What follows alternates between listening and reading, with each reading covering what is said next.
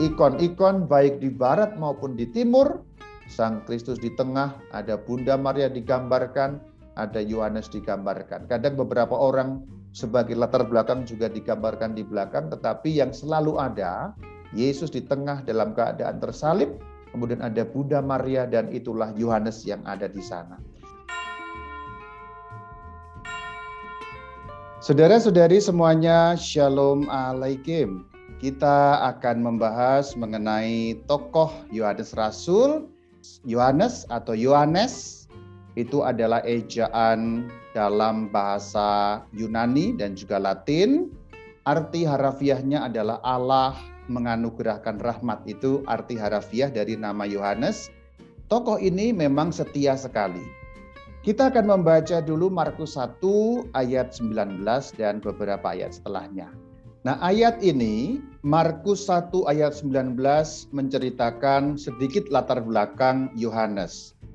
Ayat selanjutnya di dalam Injil yang sama, Injil Markus bab 1 ayat 20 dikatakan Yesus segera memanggil mereka dan mereka meninggalkan ayahnya Zebedeus di dalam perahu bersama orang-orang upahannya lalu mengikuti dia.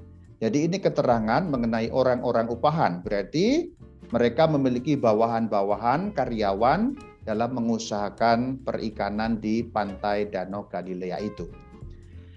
Jadi kita tahu bahwa ayah Yohanes adalah Zebedeus. Kakak Yohanes adalah Yakubus. Papanya kan kita ketahui, tetapi mamanya siapa? Itu masih tanda tanya. Menurut Injil Matius 27 ayat 56 itu dikatakan ibu-ibu anak Zebedeus berarti mamanya Yohanes. Ayat ini rupanya punya ayat paralel yang ditunjukkan dalam Injil Markus 15 ayat 40. Ada juga beberapa perempuan yang melihat dari jauh di antaranya Maria Magdalena, Maria ibu Yakubus muda dan Yoses serta Salome. Dari sini para ahli tahu bahwa nama ibu Sebedeus, nama istri Pak Sebedeus bernama Salome. Berarti mamanya Yohanes bernama Salome. Maka ini memberi kita latar belakang sedikit mengenai keluarga itu. Sekarang kita juga mengerti dari Injil Markus bahwa Yakobus dan Yohanes mendapatkan gelar. Gelar itu diberikan oleh baginda Yesus. Kita baca Markus 3 ayat 17. Yohanes bersama dengan Yakobus itu diberi gelar oleh Tuhan junjungan kita Puanerges atau Puanerges.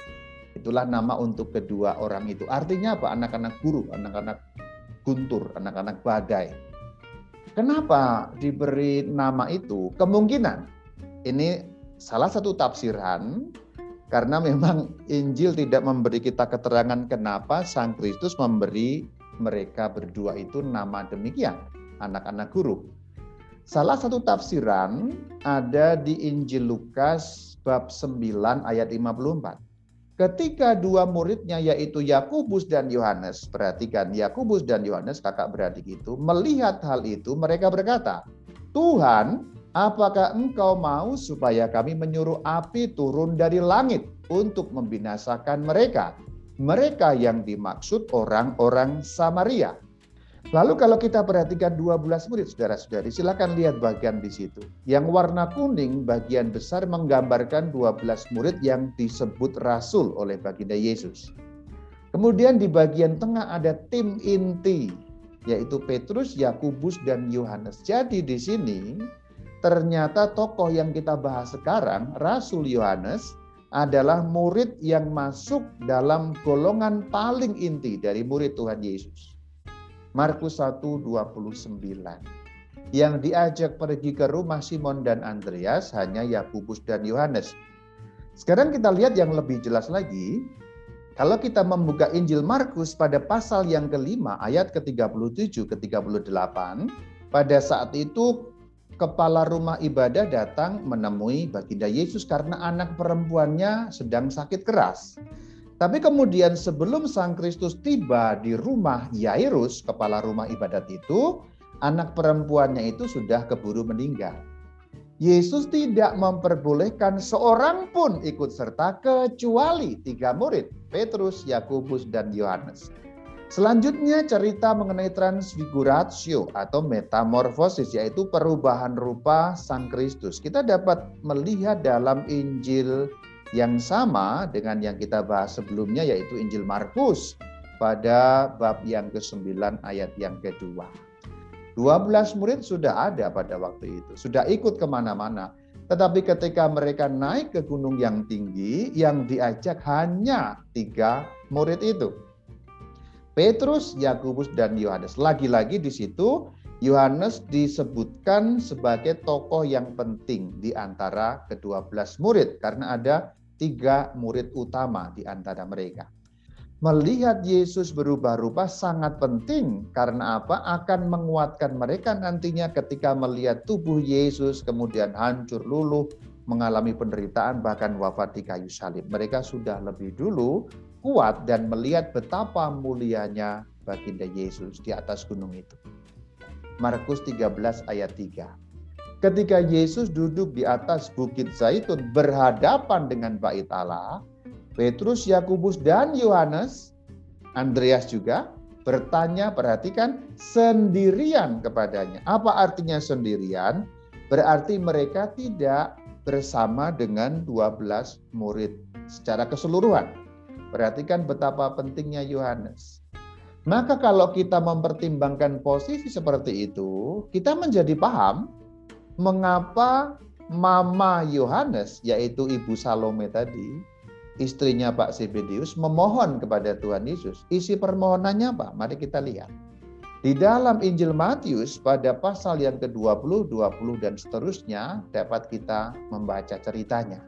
Supaya kedua anakku berarti Yakobus dan Yohanes kelak boleh duduk dalam kerajaanmu. Satu di kanan, satu di kiri. Konteksnya apa di sini? Konteksnya kan mereka menganggap Yesus sebagai Mesias di dalam konteks lama berarti Mesias politis. Jadi permohonannya sangat masuk akal pada saat itu karena mereka semua mengira Yesus Kristus datang sebagai pembebas dari penjajahan Romawi yang artinya adalah betul-betul nanti akan menjadi raja.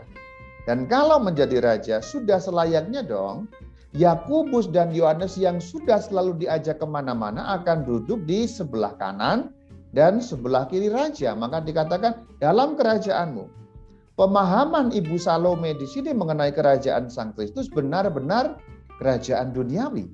Nantinya Sang Kristus akan memulihkan kerajaan Israel seperti dulu berjaya pada saat dipimpin oleh Daud, bapak leluhurnya. Maka permohonan seperti ini sangat masuk akal kalau kita tahu konteksnya. Tapi kemudian kalau kita membaca jawaban Sang Kristus dalam Matius 20 ayat 22, kita baru kemudian tahu bahwa kemesiasan Yesus Kristus bukan kemesiasan duniawi sebagaimana mereka dambakan dan mereka harapkan. Tapi kemesiasan yang sama sekali berbeda karena Mesias yang kemudian mengorbankan dirinya menebus dosa manusia. Meminum cawan berarti menderita. Di sini Sang Kristus menantang kedua murid yaitu Yakobus dan Yohanes supaya nantinya mereka berani untuk meminum cawan juga mengalami penderitaan juga karena ikut Sang Kristus, karena beriman kepada junjungannya Tuhan dan gurunya, Yesus Kristus. Kita sekarang lihat bagaimana mulai Yesus Kristus meminum cawan lebih dulu. Sebelum nantinya para muridnya meminum cawan, kan mereka sudah dengan semangat mengatakan, kami dapat, kami sanggup, kami mampu. Kira-kira jawabannya seperti itu. Ingat, mereka berdua kan anak-anak guru ya, pasti mereka menjawab dengan sangat semangat dalam hal ini. Kalau kita melihat Lukas 22 ayat 7 dan ayat 8, persiapan perjamuan Paskah yang dilakukan oleh Tuhan Yesus dipercayakan kepada Yohanes dan Petrus. Berarti di sini Yohanes memegang peran yang penting lagi. Karena perjamuan terakhir disiapkan oleh Yohanes. Lihat bagaimana Yohanes dipasangkan dengan pemimpin para rasul. Yohanes dipasangkan dengan Petrus ketuanya para rasul yang kemudian menjadi paus pertama kita. Kita lihat setelah kejadian perjamuan malam terakhir. Ini tercatat dalam Yohanes 13 ayat 23. Pada saat perjamuan, ternyata Yohanes bersandar dekat Tuhan Yesus. Dan itu muncul di dalam seni-seni Kristen dalam menggambarkan perjamuan malam terakhir. Silakan lihat. Yang tampak di sebelah kanan Sang Kristus dan tampak bersandar itulah Yohanes. Nah, ini salah satu yang perlu juga diuraikan. Kalau kita menjumpai istilah murid yang dikasihi Yesus dalam Injil Yohanes, itu artinya adalah Yohanes itu sendiri yang menuliskan Injil itu. Nanti alusinya ada di bagian terakhir dari Injil yang nanti juga akan saya kutip bahwa murid yang dikasih itulah atau murid itulah yang menuliskan kesaksian. Yang kita terima sekarang dalam wujud tertulis namanya Injil Yohanes itu. Jadi dalam tradisi suci memang begitu jelas bahwa istilah murid yang dikasihi menunjuk pada Yohanes Rasul. Selanjutnya, ketika kita meneruskan adegannya, kan perjamuan malam terakhir selesai, kemudian Yesus Kristus mengajak murid-muridnya pergi keluar dari ruang atas, ruang perjamuan itu, pergi kembali ke Bukit Zaitun yang bernama tempatnya bernama Getsemani.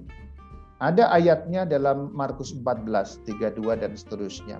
Murid-murid yang dimaksud di dalam ayat 32 berarti 12 murid. Tentu Yudas sudah tidak ada karena Yudas meninggalkan perjamuan lebih dulu berarti dalam arti itu 12 murid minus Yudas, 11 murid. Kata Yesus kepada murid-muridnya, perhatikan, duduklah di sini sementara aku berdoa. Berarti adegannya adalah setelah tiba di Getsemani, Lalu di suatu titik baginda Yesus mengatakan kamu di sini saja duduk. Aku pergi berdoa berarti menjauh. Tetapi ayat 33 memberi kita keterangan ia membawa Petrus, Yakubus dan Yohanes sertanya. Berarti ada pergerakan. Adegan pada saat beliau berdoa bahkan nanti diceritakan juga sampai peluhnya bagikan darah yang bercucuran itu disaksikan oleh ketiga murid yang salah satunya adalah tokoh kita, yaitu Yohanes. Perhatikan betapa dalam berbagai peristiwa penting kehidupan Sang Kristus, Yohanes ada. Berarti dia sangat mengenal gurunya, sangat mengenal ajaran gurunya, sangat mendalami batin gurunya dan ajaran inti terdalam dari sang guru. Maka nanti ketika kebangkitan, dia tidak kaget lagi. Karena dia murid yang sangat mendengarkan, murid yang sangat dikasihi. Kalau mau mendalami bagaimana Sang Kristus ditangkap, Anda nanti boleh buka channel YouTube Katkit dengan judul video intrik-intrik pembunuhan Yesus. Anda di sana akan menemukan bagaimana sesungguhnya Sang Kristus tidak bisa ditangkap. Sang Kristus ditangkap hanya karena beliau mengizinkan dirinya ditangkap. Nah, kemudian ketika Sang Kristus ditangkap, murid-murid itu bubar. Bahkan Simon Petrus mengikuti tapi takut-takut. Tapi murid yang satu ini yaitu Yohanes tokoh kita yang dalam Injil Yohanes disebut murid yang dikasih, kadang-kadang murid yang lain itu mengikuti Yesus. Perhatikan Yohanes 18 ayat 15. Simon Petrus dan seorang murid lain mengikuti Yesus. Murid itu mengenal imam besar dan ia masuk bersama-sama dengan Yesus ke halaman istana imam besar. Siapa murid yang lain itu? Kita tahu di dalam Injil Yohanes selalu disembunyikan identitasnya bukan dituliskan Yohanes tapi murid yang lain, murid yang dikasihi. Berarti itu Yohanes yang mengikuti sampai ke dalam halaman istana imam besar tanpa takut. Bahkan diceritakan nanti di depan pintu Yohanes berbincang-bincang dengan penjaga pintu kemudian bisa masuk dengan tenang tanpa rasa takut, tanpa rasa was-was. Petrus malah takut-takut Bahkan dia sampai harus menyangkal karena begitu takutnya. Di sini kita lihat bagaimana keteguhan hati Yohanes mengikuti sampai ke halaman istana, mengikuti persidangan dan seterusnya. Itulah kenapa nanti kita tidak heran ketika Yohanes bahkan berdiri di bawah kaki salib Yesus ketika seluruh murid sudah ngacir pergi terkencing-kencing dan tidak lagi mempedulikan gurunya. Kita lihat ia ikut terus murid yang satu ini. Kita maka tidak heran kalau dia nanti sampai persis di bawah kaki salib Tuhan. Ikon-ikon baik di barat maupun di timur selalu menggambarkan pola seperti ini sama. Sang Kristus di tengah, ada Bunda Maria digambarkan, ada Yohanes digambarkan. Kadang beberapa orang sebagai latar belakang juga digambarkan di belakang, tetapi yang selalu ada adalah dua orang. Yesus di tengah dalam keadaan tersalib, kemudian ada Bunda Maria dan itulah Yohanes yang ada di sana. Kita tahu dari mana? Kita tahu dari Yohanes 19 ayat 26 dan seterusnya. Ibu, inilah anakmu. Inilah ibu. Bagaimana Bunda Maria kemudian diterima oleh Yohanes sebagai mamanya juga dan ini juga melambangkan kita semua yang diberi Maria sebagai ibu kita. Maka bagian pertama sampai pada wafat Yesus kita dapat lihat tokoh ini setia sampai di bawah salib. Mengikuti Yesus dengan setia, dengan sangat mengenal Sang Kristus tanpa ada keraguan sedikit pun tokoh ini, tanpa pernah ada sedikit pun rasa takut juga untuk mengikuti Sang Kristus bahkan sampai persis di bawah kaki salib. Tokoh yang luar biasa dalam iman. Saya akan lanjutkan bagaimana tokoh ini setelah kebangkitan Tuhan.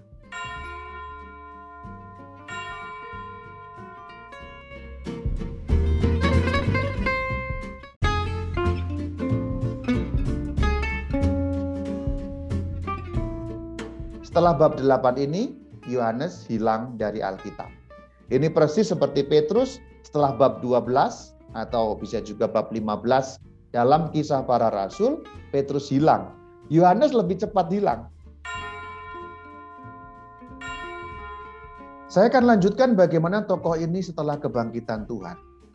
Kita lihat dalam Yohanes 20 ayat 1 ayat 2. Bagaimana murid yang dikasihi yaitu siapa? Yohanes nanti cepat sekali menjadi percaya kedua orang murid itu mendapat kabar dari Magdalena, kemudian mereka lari.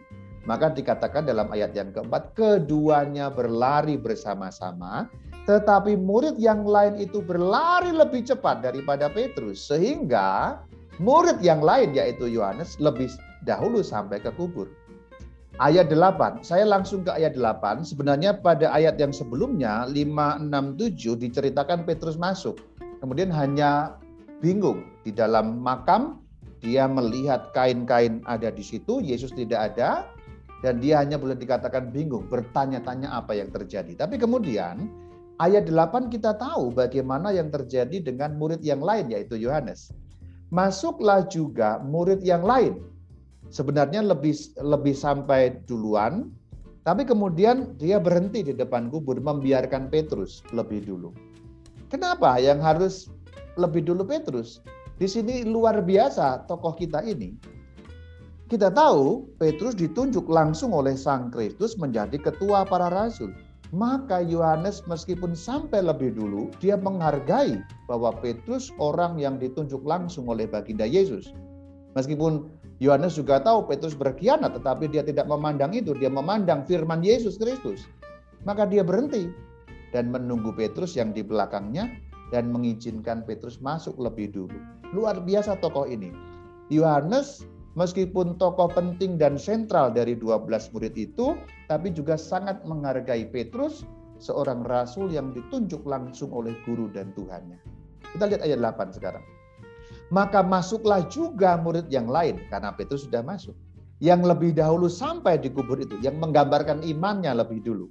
Lebih dulu sampai imannya, lebih dulu mengerti ajaran Yesus Perhatikan yang saya cetak warna kuning, ia melihatnya dan dan percaya. Dalam Injil bagian ini, Petrus tidak diceritakan percaya. Dan kita bisa membayangkan Petrus hanya bingung-bingung apa yang terjadi. Dia masih bertanya-tanya apa yang terjadi. Memang kemudian akhirnya percaya Yesus bangkit, tetapi tidak saat itu.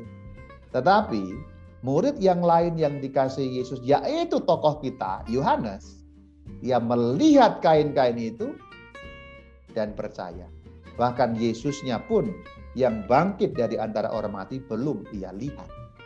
Jadi ini imannya cepat sekali. Itulah kenapa tadi saya memberikan pendasaran dari awal tadi bagaimana dekatnya Yohanes dengan Sang Kristus.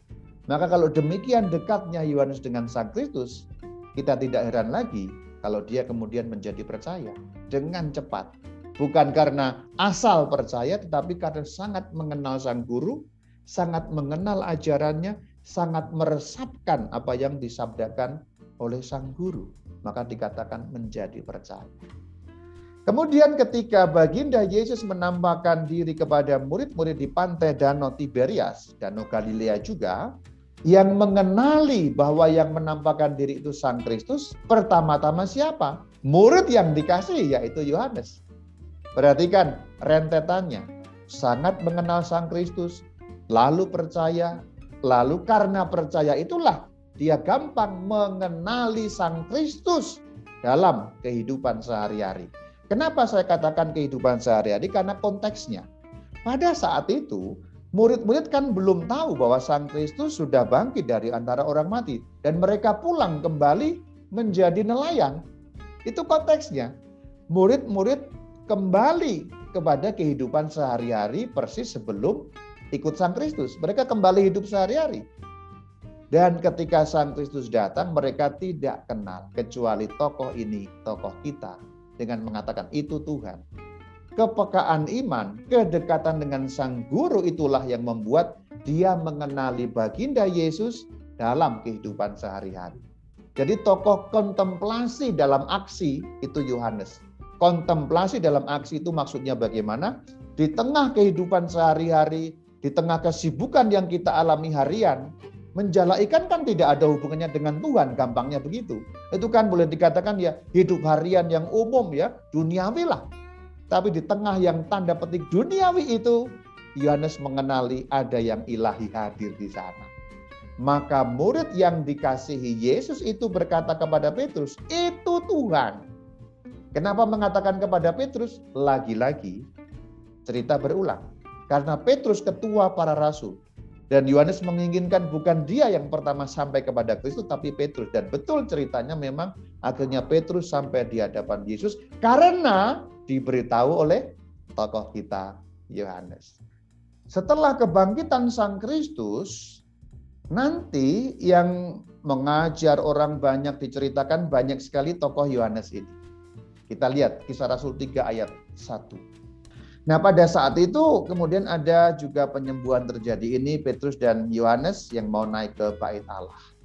Pada saat mereka ditangkap lalu memberikan kesaksian atau jawaban di sidang mahkamah agama itu Petrus dan Yohanes juga. Tokoh-tokoh penting dari awal mula ini diceritakan secara berulang-ulang setelah kebangkitan Sang Kristus. Kita lihat dalam kisah Rasul 4 ayat 13 dan seterusnya. Nanti nyambung ke ayat 19.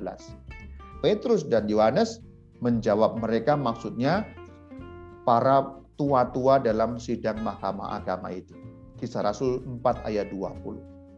Sebab tidak mungkin bagi kami untuk tidak berkata-kata tentang apa yang telah kami lihat dan telah kami dengar. Perhatikan kata-kata ini dari siapa? Petrus dan Yohanes. Berarti Yohanes juga berkata-kata seperti itu. Perhatikan bagaimana ini merupakan pernyataan saksi mata. Tidak mungkin kami tidak berkata-kata. Maksudnya tidak mungkin kami diam saja mengenai apa yang sudah kami saksikan, kami lihat, kami dengar. Ini menunjukkan kualitas saksi mata sampai halal yang terkecil. Yang tadi sudah saya sampaikan di depan, dari 12 rasul, tiga ini, salah satunya Yohanes. Apa yang kami lihat dan kami dengar. Ini menunjukkan bagaimana kualitas saksi mata high class, grade 1, yaitu Yohanes. Bahkan kemudian ketika tanah Samaria sudah menerima Sang Kristus, Samaria itu kan orang Yahudi ya, sudah miring ya. Jadi sebenarnya orang Samaria itu dianggap miring oleh orang Yahudi. Tapi kemudian mereka malah menerima Yesus. Tapi ketika mereka menerima Yesus, mereka belum menerima Roh Kudus. Setibanya di Samaria, dua rasul berdoa, yaitu Petrus dan Yohanes supaya orang-orang Samaria memperoleh Roh Kudus. Dan memang betul kemudian terjadi pencurahan Roh Kudus oleh doa dua murid lagi-lagi Petrus dan Yohanes. Namun saudara-saudari, setelah bab 8 ini Yohanes hilang dari Alkitab. Ini persis seperti Petrus setelah bab 12 atau bisa juga bab 15 dalam kisah para rasul, Petrus hilang. Yohanes lebih cepat hilang. Tanda petik hilangnya ya. Maksudnya hilang dari peredaran cerita yang dikisahkan dalam Alkitab terutama praksis apostolon atau kisah para rasul. Bab 8, pergi ke Samaria, selesai hilang Yohanes. Maka Yohanes cerita selanjutnya dapat kita temukan dalam tradisi suci. Memang hilangnya ini boleh dikatakan karena hilang tanda petik ya, hilang dari cerita maksud saya. Karena apa? Karena memang kemudian para rasul menyebar keluar dari Yerusalem terkait dengan penganiayaan yang dilakukan oleh Herodes yang namanya Herodes Agrippa. Itu kurang lebih tahun 40-an ya, 41 sampai 44 45. Itu tercatat di dalam Praksis Apostolon pada pasal yang ke-12 ayat yang pertama. Lalu tahun 40-an itu berarti kurang lebih sepuluhan tahun berada di Yerusalem pada awalnya. Kemudian para rasul berpencar karena penganiayaan itu ke mana-mana, ke berbagai arah. Dan kita menemukan di dalam tradisi suci salah satunya dalam kitab Historia Ecclesiastica pada kitab yang ketiga, bab pertama, ayat pertama, diceritakan bagaimana penyebarannya itu.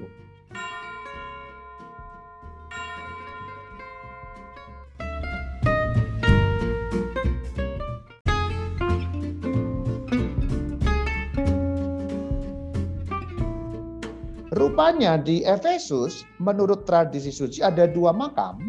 Yang satu makam Yohanes Presbiter, yang satu makam Yohanes Apostolos, Yohanes Rasul. Berarti apakah ada dua orang Yohanes? Lalu tahun 40-an itu berarti kurang lebih sepuluhan tahun berada di Yerusalem pada awalnya. Kemudian para rasul berpencar karena penganiayaan itu ke mana-mana, ke berbagai arah.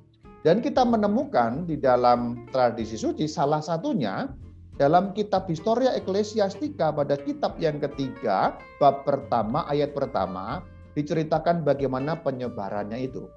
Sementara itu para rasul suci dan murid-murid penyelamat kita tersebar ke seluruh dunia. Selanjutnya masih pada ayat yang sama.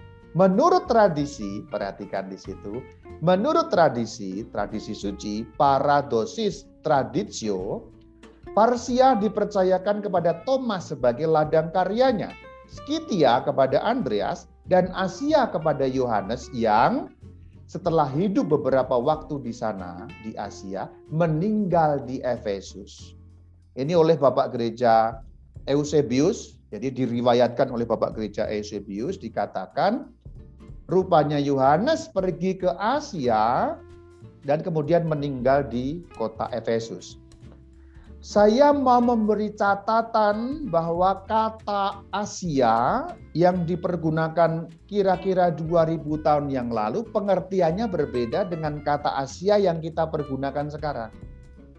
Kalau penggunaan untuk kita sekarang kan Asia itu luas sekali ya. Mulai dari Korea, mulai dari Jepang, mulai dari Tiongkok sampai ke arah barat. Bahkan Israel, lalu negara-negara Arab itu semua kan Asia, lalu Asia Selatan, India luas sekali, Afghanistan juga itu masih Asia kan, termasuk Indonesia Asia meskipun Asia Tenggara maksudnya. Nah itu luas sekali, tetapi pada masa itu Asia begitu kecil.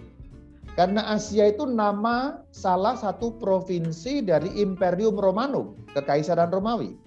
Silakan Anda lihat peta di sana. Bagian peta yang warna hijau itu kurang lebihnya kekuasaan kekaisaran Romawi. Ya, kurang lebih pada zaman para rasul 2000 tahun yang lalu. Luas sekali. Hampir seluruh Eropa, kemudian Timur Tengah sampai ke Afrika Utara itulah masuk ke bagian kekaisaran Romawi dan Asia yang warna kuning itu. Anda bisa lihat ya. Saya perbesar supaya Anda bisa membacanya. Saya perbesar. Nah, itulah Asia itu sekitar-sekitar ya Turki ya, Turki Yunani ya. Kalau sekarang Yunani agak naik, jadi itu nggak masuk Yunani, tapi pada zaman kuno itu masuk Yunani juga pada zaman kuno. Kalau zaman sekarang kebanyakan memang masuk wilayah Turki modern sekarang ini. Perhatikan Asia di sana. Dan juga perhatikan ada kota Efesus di sana. Anda melihat yang saya beri tanda panah. Di situlah rupanya perpindahan Rasul Yohanes. Jadi rupanya Rasul Yohanes dalam kerangka penyebaran para rasul tadi mendapat tanda petik jatah untuk melayani wilayah Asia kemudian beliau tinggal di kota Efesus. Ini garis panahnya menggambarkan bagaimana pergerakan beliau ke situ. Kemungkinan tidak lewat laut tapi lewat darat kita tidak persis tahu pasti karena catatannya juga kita tidak memiliki detail perjalanan tapi intinya kemudian pindah ke Asia khususnya kota Efesus. Kalau kemudian kita melihat tradisi suci yang diriwayatkan oleh para bapak gereja, kita bisa kutip yang diceritakan oleh bapak gereja Jerome dalam kitab yang berjudul De Viris Illustribus pada bab yang ke-9 diceritakan agak rinci mengenai Rasul Yohanes. Yohanes rasul yang sangat dikasihi Yesus, putra Zebedeus, saudara Yakubus. Ini identitasnya supaya tidak tertukar dengan Yohanes yang lain karena ada beberapa orang Yohanes yang lain. Menulis sebuah Injil, nah sekarang kita tahu bahwa yang menulis itu Yohanes atas permintaan para uskup Asia untuk melawan Kerintus dan heresi lain dan secara khusus melawan ajaran kaum Ebionit. Itu tidak terlalu penting nama-nama, gampangnya itu ajaran heretik atau ajaran yang sifatnya heterodoks, ajaran lain. Bahasa gampangnya ajaran sesat begitulah. Selanjutnya dikatakan ia, di situ maksudnya Yohanes juga menulis sebuah surat yang diawali dengan nah yang diawali dengan itu kemudian ditulis awalan surat yang persis sama seperti kita dapatkan dalam surat pertama Yohanes. Jadi yang diawali dengan itu kemudian isiannya kalimat tidak saya cantumkan, tapi Anda kemudian bisa buka surat pertama Yohanes seperti itulah tulisannya yang ditulis diawali dengan itu. Kemudian selanjutnya kalimat lanjutannya dua surat lainnya yang pertama dimulai dengan itu isinya juga kalimat persis sama sebagai kalimat yang tertulis dalam surat kedua Yohanes. Yang lain dimulai dengan juga kalimat. Jadi saya beri titik-titik-titik karena panjang ya.